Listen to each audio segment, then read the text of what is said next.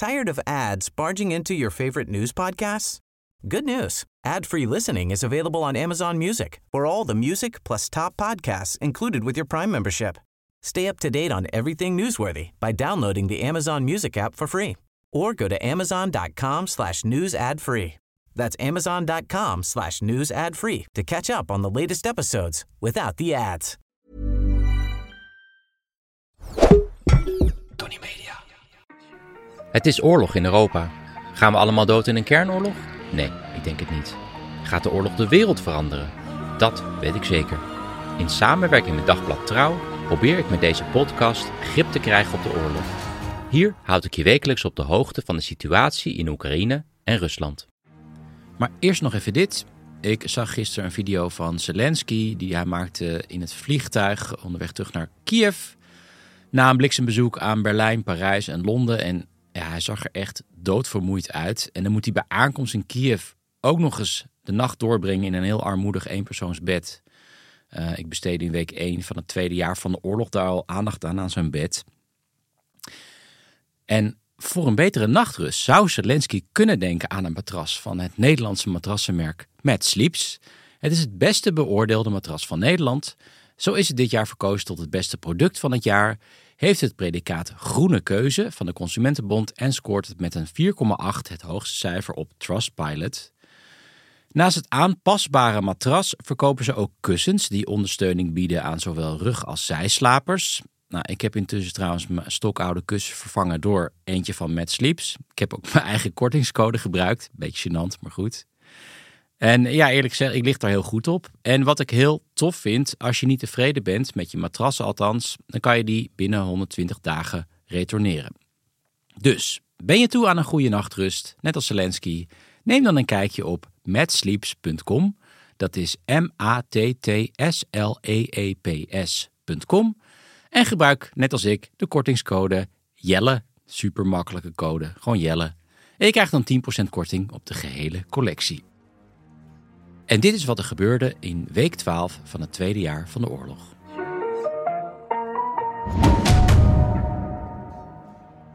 In Bakhmut is er veel aan de hand. Aan de ene kant rukken de Russen in snel tempo op door de Levanevskova-straat. Dat is een plek met heel veel verdedigingswerk van de Oekraïners. Maar het gaat daar wel heel erg snel, waardoor je zou kunnen denken dat de Oekraïners bewust zich snel terugtrekken. Want tegelijkertijd was afgelopen week Oekraïne in de aanval ten noorden en zuiden van Bakhmut.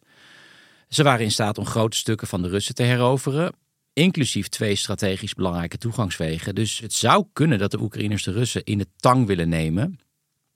Dat is al eens eerder gebeurd in de Tweede Wereldoorlog. Uh, is een uh, slag waar een aantal analisten naar verwezen. De slag om Stalingrad in 1942, niet ver daar vandaan. Toen hadden de Duitsers na maandenlange straatgevechten de stad in handen. En vervolgens omsingelde het Rode Leger de Duitsers. En toen zaten er 260.000 Duitsers vast. En aan het einde van het beleg, ja, een beetje een jaar later, werd uh, Friedrich Paulus, de bevelhebber van de nazi's, gepromoveerd door Hitler. En de boodschap was eigenlijk: wees eervol en pleeg zelfmoord. Maar uh, Paulus die deed dat niet. Is nog steeds een van de ergste veldslagen in de geschiedenis en sowieso een heel belangrijk keerpunt in de Tweede Wereldoorlog. Wil je trouwens meer weten over uh, die slag om Stalingrad, dan raad ik het uh, boek van Anthony Beaver aan. Hoe dan ook, zo'n uh, ja, zo'n tangbeweging dat is wel heel erg ver vooruitlopen op de zaken. Voor, voorlopig zitten de Russen zeker niet in een tang. Maar het is duidelijk dat de Oekraïners een tegenaanval zijn begonnen en het is de eerste grote aanval sinds oktober vorig jaar. Het is een beetje nog te vroeg om het echt een tegenoffensief te kunnen noemen. Uh, wat trouwens ook opvalt, dat de Oekraïners bij Bakhmut nog geen gebruik maken van de brigades die in het westen zijn getraind. Of ze maken ook nog geen gebruik van westerse tanks, in ieder geval daar. Maar ze boeken zelfs zonder al die dingen toch een succes. En dat belooft natuurlijk veel goed voor tegenoffensief. Daar worden nog steeds voorbereidingen op uh, gemaakt. Er worden, zijn er weer een aantal munitiedepots opgeblazen. En ook een aantal militaire hoofdkwartieren. Vooral in de stad Luhansk vallen veel bommen neer. En uh, dat is heel opvallend, want die stad die viel buiten het bereik van Oekraïnse raketten. Maar de Oekraïners beschikken nu ook over wapens met een langer bereik. Het zou daarbij kunnen gaan om de Britse Storm Shadow raketten met een bereik van 200 kilometer. Waardoor alle doelen in Oekraïne bereikbaar zijn, inclusief de Krimbrug. Nou, dit soort wapens was zogenaamd uh, over de ja, onzichtbare rode lijn van het Kremlin. Uh, ze hebben heel vaak gedreigd met nucleaire wapens natuurlijk, als die uh, lijn zou worden overgestoken. Maar zoals altijd bleek het nogal slap gelul. In Luhansk was een doelwit onder meer Igor Kornet. Dat is de minister van Binnenlandse Zaken van ja, die zelfbenoemde Volksrepubliek Luhansk. Trouwens, dat was waarschijnlijk eerder een bom uh, geplant door partizanen dan een raket. Die cornet die werd op dat moment geknipt bij de kapper. En er zijn beelden te zien van ja, die kapperszaak die helemaal uh, is ontploft. Het is een wonder dat hij nog leeft. Hij is wel in kritieke toestand. Hoe dan ook, dat uitschakelen van de politieke en militaire top is een duidelijke voorbereiding op een uh, Oekraïnse tegenaanval. Ook in het luchtruim boven Oekraïne zijn interessante ontwikkelingen. Vannacht, dus de nacht van maandag op dinsdag, voerden de Russen een massale aanval uit. Uh, van raketten en ook drones boven Kiev. Het waren er 18 in totaal en ze werden alle 18 neergehaald. En dat door 10 verschillende soorten luchtverdediging. Dus ja, ik vind sowieso knap hoe die alle allemaal samenwerken. Mede ook door die Patriot-systemen die door de Nederlanders zijn geleverd. En um, ze waren zelfs in staat om zes hypersonische Kinjal-raketten neer te halen, die volgens de Russen onaantastbaar zijn. Maar goed, dat is dus niet zo. En de Oekraïners gaan nog een stap verder, want ze haalden deze week twee vliegtuigen en twee helikopters neer boven Bryansk in Rusland. Die zouden onderweg zijn geweest naar Oekraïne om uh, te gaan bombarderen. En dat laat weer eens zien dat de Russische luchtverdediging zo lekker als een mandje is. In theorie trouwens waren al die vliegtuigen neergestort, zoals de Russische media beweren. Maar ja, dat zou natuurlijk ook niet zo'n goed teken zijn voor de staat van de Russische luchtmacht. En daar komt nog eens bij dat Macron gisteren bekend maakte dat ze Oekraïense straaljagerpiloten gaan trainen, in Frankrijk dus. Dat zou per direct gaan gebeuren. Groot-Brittannië zou volgen in de zomer. En ja, dan zou de strijd om het luchtruim in het voordeel van de Oekraïners kunnen vallen, op de langere termijn in ieder geval. En dat kan beslissend zijn voor de afloop van de oorlog. Verder was Alexander Lukashenko, de leider van Belarus en het schoothondje van Poetin deze week, van de radar. Hij dook gisteren ineens weer op. Ik ga daar straks over praten met Franka Hummels. Maar nu gaan we door naar de Russische media.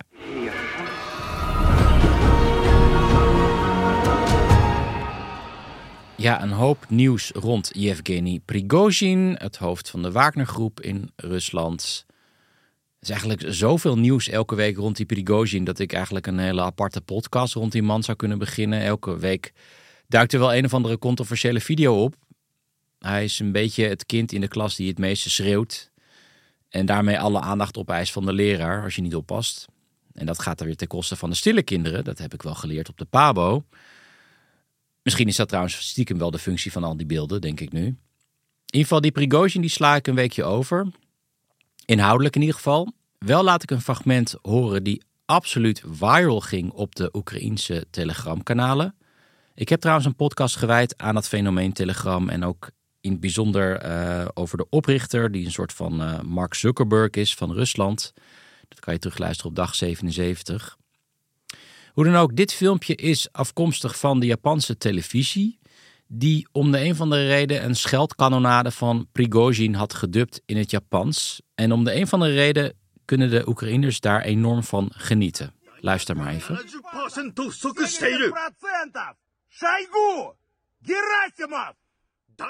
Verder las ik een interessant stuk op de Russische journalistieke site Project zij ontdekte dat cabinepersoneel van de uh, luchtvaartmaatschappij Aeroflot, dus de grootste van Rusland, instructies heeft gekregen om geen notities meer te maken van defecten aan vliegtuigen.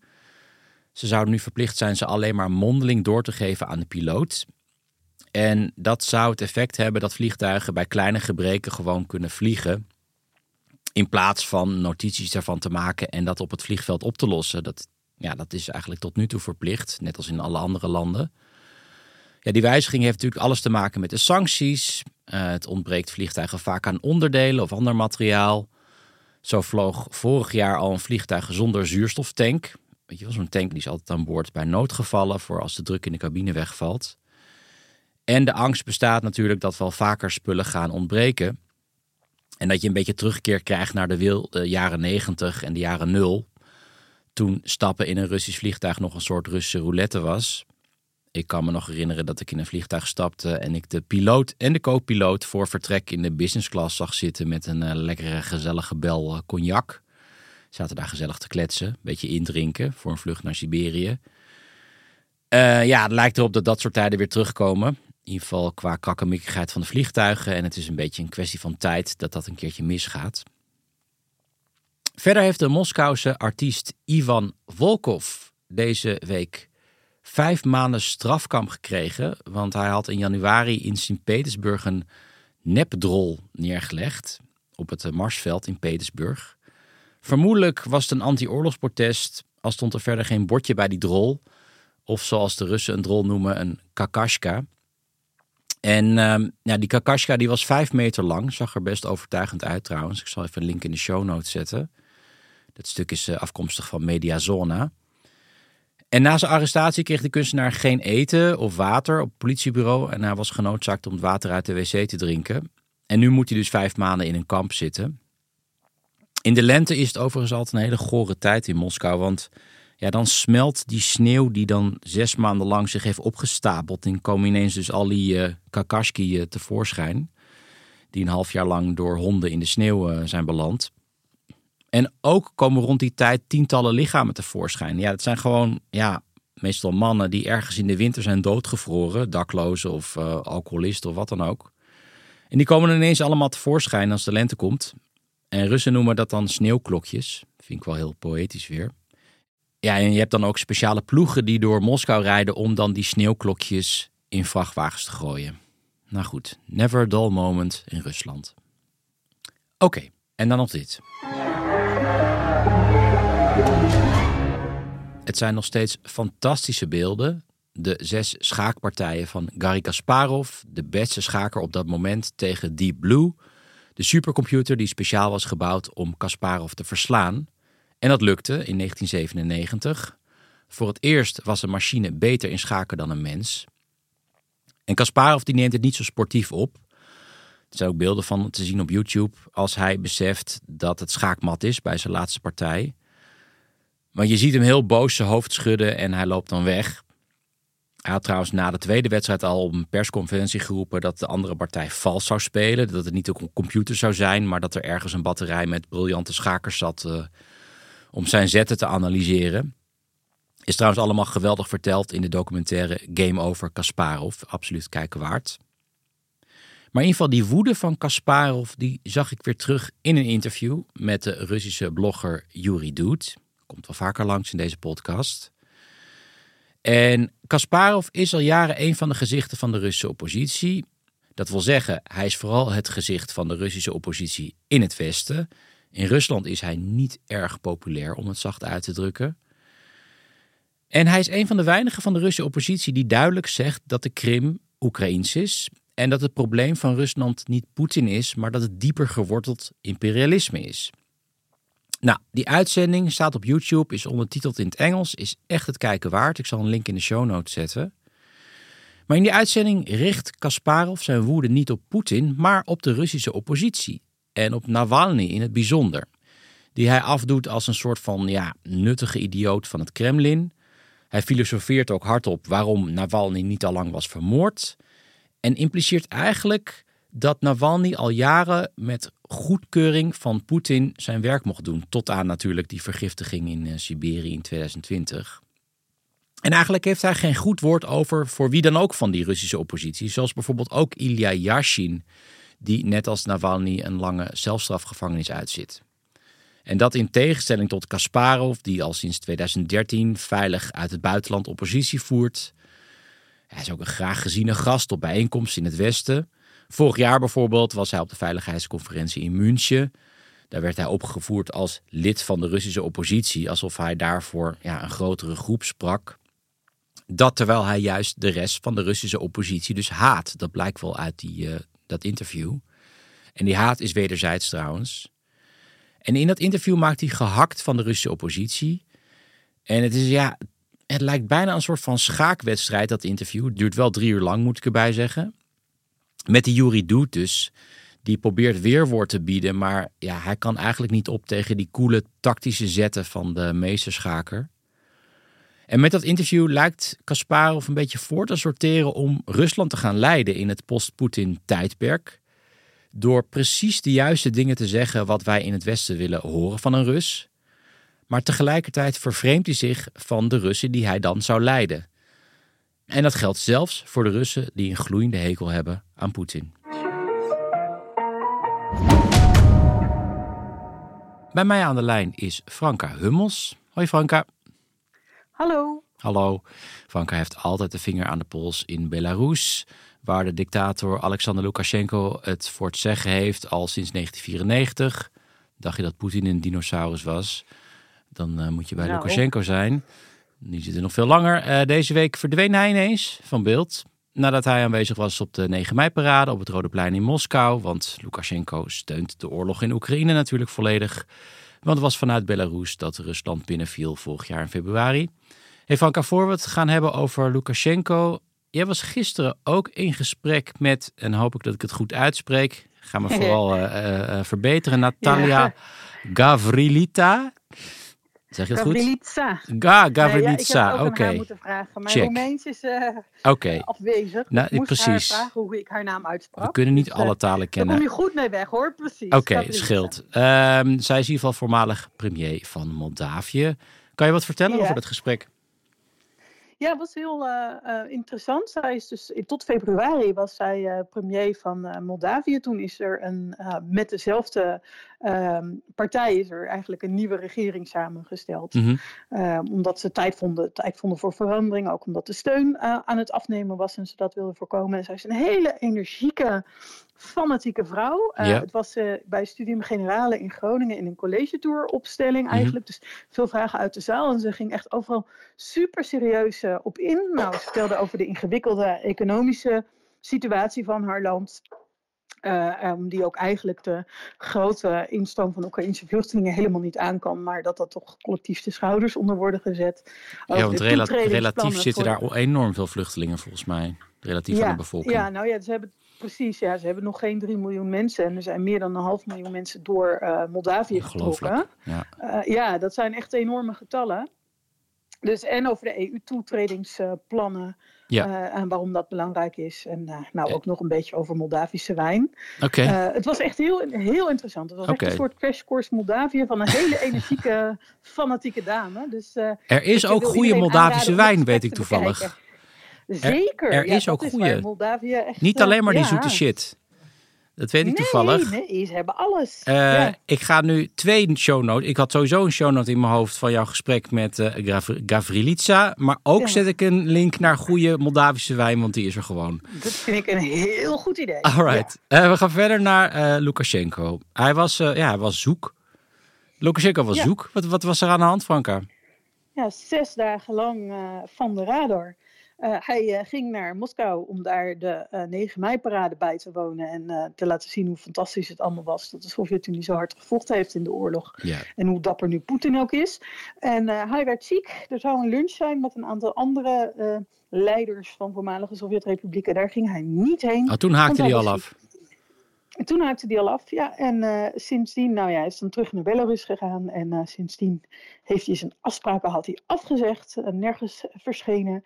op een gegeven moment is zijn auto's, zijn motorcade is bij een ziekenhuis geweest. Kort daarna is die motorcade daar weer weggegaan. We weten niet of hij daarbij was en of hij in het ziekenhuis is geweest. Of hij is gebleven. Of dat hij alleen maar gecheckt is en dan weer terug is gegaan.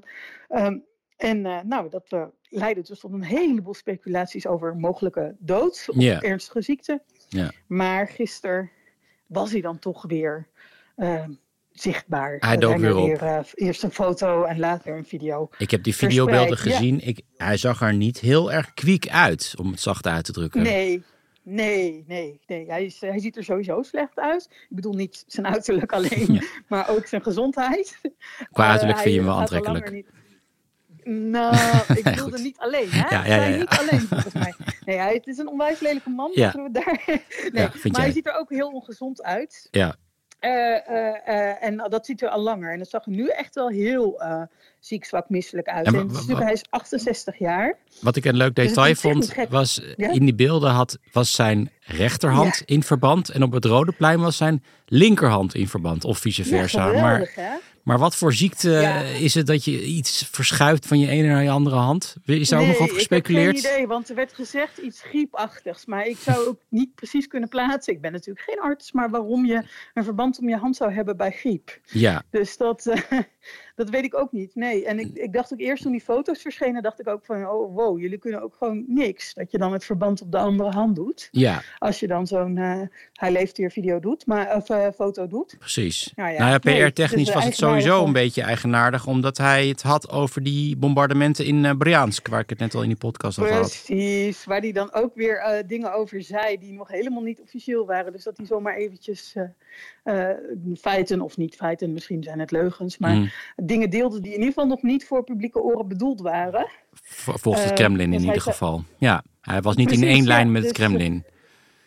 Nee, nou ja, of misschien heeft Kremlin dit bedacht dat hij dit zo moet leggen. Dat zou ook nog kunnen. Maar ik denk dat hij gewoon uh, zijn beurt uh, voor zijn beurt heeft gepraat. Ja. In al zijn ziekte, in zijn stijve bewegingen, in zijn hij leeft. Ja, hij heeft dus gezegd van het leger is een opperste paraatheid. Ja. Het was het ook vooral om duidelijk te maken, denk dreiging, ik. Dreiging, Ja, het was vooral denk ik om duidelijk te maken dat het, dat het vanaf van na die bombardementen was. Dat het geen oude beelden zijn. Ik denk dat hij dat wilde benadrukken. Maar... Met een, krant, met een krant op de foto ging. Ja, exact. Maar hij kwam, ja. zoals ik zei, hij kwam wel fragiel over. Um, ja. Je zei al, ja, wat is hij, 68 zei je? Ja, ja, ja, nou, Het, het, is natuurlijk een kans dat hij, nou ja, iedereen gaat op een bepaald moment dood. En Lukashenko ook. Precies. Uh, ja. Als hij nou gewoon plotseling komt te overlijden, wat gebeurt er dan eigenlijk? Ja, nou, dat is, dat is moeilijk te voorspellen. Hmm. Als je kijkt naar de Belarusische grondwet, zijn er twee uh, scenario's in de wet.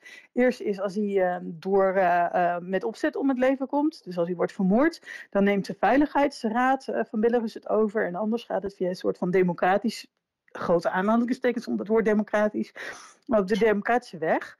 Dat is wat er dan officieel zou moeten gebeuren. Hm. Maar uh, ja, in Belarus gaat niks officieel. Die grondwet wordt in het geheel niet gerespecteerd. Nee. Dus uh, er kan van alles dan gebeuren. En zelfs als ze de grondwet zouden volgen, dan konden ze natuurlijk nog heel dik gaan ruzien over of hij vermoord is of niet. Uh, wat ik me op dit moment goed kan voorstellen is dat Poetin een mannetje zou sturen. Hè, want uh, Lukashenko en Poetin doen dus heel erg alsof Belarus bedreigd wordt. Mm -hmm. Zo werd dat ook met die vliegtuigen bij Briansk uh, gedaan. Hè, mm -hmm. Van nou, het zijn allemaal Europese landen, Oekraïne zijn allemaal bezig met Belarus bedreigen. Dus dat Poetin dan een mannetje stuurt om de veiligheid van, van Belarus te waarborgen uit de goedheid van Poetins hart dat zou eh, nu denk ik het meest, meest reële scenario uh, zijn. Dus Poetin dus zou een, een, een, een stroomman uh, sturen eigenlijk. Precies, ja. precies. Ja, maar officieel moet er dan uh, een, iemand dus uit Belarus worden aangesteld die dan tot verkiezingen aanblijft. Ja. maar goed, maar, de, de, niks gaat officieel ooit. Dus. Maar denk je dat überhaupt de politieke en militaire organen in Belarus zo stevig zijn dat, weet je wel, soms, soms is de allemachtige zo erg gecentreerd in één dictator dat als die wegvalt, ja, dat dan, dan bijvoorbeeld een revolutie mogelijk is. Zie je zo'n scenario nog voor je? Nee, um, de steun voor, voor Lukashenko is echt verschrikkelijk laag. Zelfs denk ik onder zijn getrouwen. Die zijn niet per se trouw aan hem, maar aan het regime. Maar uh, op dit moment is de macht van Poetin in Belarus zo ontzettend groot. Hmm. Dat Poetin weg moet om daar die ruimte voor die revolutie hmm. te maken. Ja. Dus Lukashenko's eigen macht is op dit moment gewoon te klein daarvoor. Dus ja, ja als Poetin wegvalt, uh, dan is er ruimte voor, uh, voor verandering, denk ik. Oké, okay, dus nu is, gewoon het is, uh, misschien, misschien heb ik ongelijk, maar dat is wel echt mijn inschatting. Waarschijnlijk ja. is het wishful thinking dat zelfs als Lukashenko wegvalt, dat Belarus dan een andere rol in de oorlog gaat spelen. Uh, je bedoelt een, een minder steunende rol ja, dan? Ja. Want het is natuurlijk de, de, de, andere kant van een andere rol zou dus kunnen zijn volledige deelname aan de oorlog. Mm. Ook dat zie ik niet gebeuren hoor, maar ja. ja. Ja, dat is waar. Uh, Franka, dankjewel. Het is altijd goed om eventjes weer Belarus in de spotlights te hebben. En dan ben jij natuurlijk daar de aangewezen persoon voor. Franka Hummels, dankjewel voor het gesprek. Dankjewel. Dit was het voor deze week. Ik zal in de show notes nog een link zetten naar het gesprek dat Franka gisteren had met de voormalige premier van Moldavië, Natalia Gavrilica. Yes, ik zeg het goed. Ehm, en ook dus van die goede wijn in uh, Moldavië. Moet ik even wel naar op zoek gaan. Ik ben er weer volgende week. Tot dan.